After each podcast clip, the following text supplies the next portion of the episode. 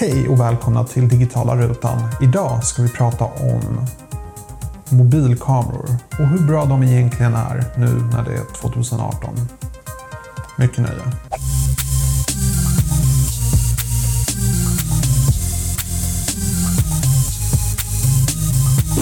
Uh, kameran på en telefon verkar vara en viktig grej i marknadsföringen.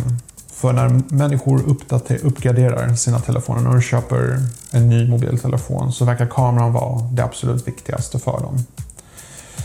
Det har någonting att göra med vårt behov att ta bra foton, bra filmer. Desto bättre kamera du har, desto bättre foton har du. En professionell fotograf skulle ju såklart säga att det är definitivt inte det viktigaste verktyget du har om du vill ta bra foton. Men det är väldigt enkelt att ta bra foton om du har en bra kamera. Det kan nog ingen förneka.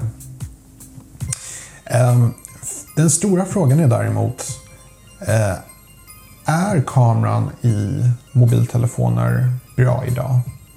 Den har definitivt blivit bättre än de första mobiltelefonerna med kameror som började på kanske VGA-upplösning. Sen blev de kanske 2 megapixlar.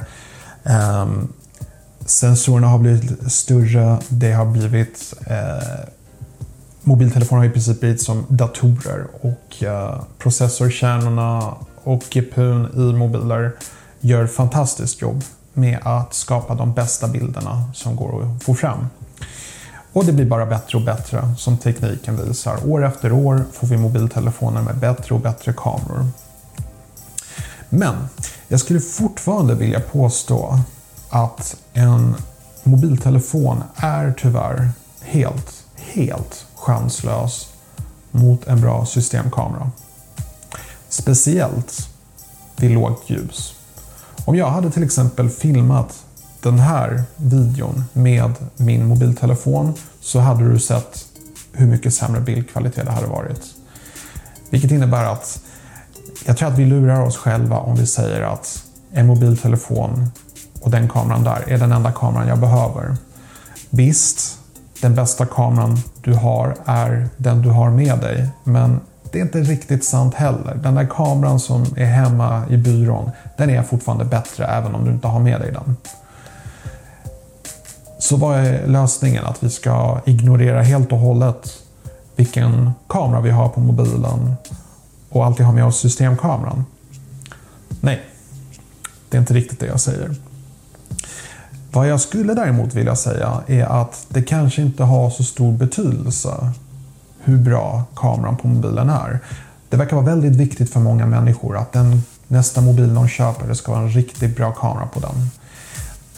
Men varför? Vad är det vi gör med bilderna som gör att det är så viktigt att det måste vara bra bildkvalitet på dem? Eh, jag ska vara ärlig, jag har iPhone 8 här. Men jämför jag bildkvaliteten på iPhone 8 från till exempel iPhone 5 och bara lägger upp dem på Facebook eller Instagram. Jag tror inte någon skulle kunna se skillnaden. Det finns, jag tror inte det är någon som skulle kunna se skillnaden på ett bra foto taget på samma foto taget med iPhone 5 och iPhone 8 till exempel i bra ljus. Um, för återigen, det handlar inte så mycket om hur bra kameran är, det handlar om hur bra fotografen är. Till exempel, du har ett bättre F-värde på en smartphone idag än vad du hade för fem år sedan. Vilket innebär att du tar mycket bättre foton idag inomhus till exempel, där det är sämre ljus. Men vad gjorde man på den tiden? Jo, man kunde faktiskt lysa upp rummet ännu mer. Så det handlar återigen, det det handlar inte om den bästa kameran, det handlar om den bästa fotografen. Jag tror att till exempel om du tänker att du ska investera i en ny mobiltelefon som kostar 8000 kronor. Så kanske du ska istället ta och investera 300 kronor på att köpa en bok om fotografering och lära dig bli en bättre fotograf istället. Vilken av dessa köp kommer ge bättre bilder? Om du är helt ärlig med dig själv. Jag tror att du vet svaret. Det är klart att det är boken. Det är klart att om du är en bättre fotograf så kommer du ta bättre foton. Bara för att du har en smartphone med den bästa kameran betyder inte att du plötsligt kan bli bröllopsfotograf. Det är en konst att ta bra foton. Och därför så skulle jag föreslå att när det gäller ditt nästa mobilköp så kanske du ska ta ett steg tillbaka och fundera. Hur mycket kommer det här verkligen göra i min fotografering? Det var bara lite tankar jag hade i den här videon idag. Um, om ni tyckte om den här videon får ni lämna gärna en kommentar. Och glöm inte att prenumerera så ni inte missar framtida videon som jag släpper.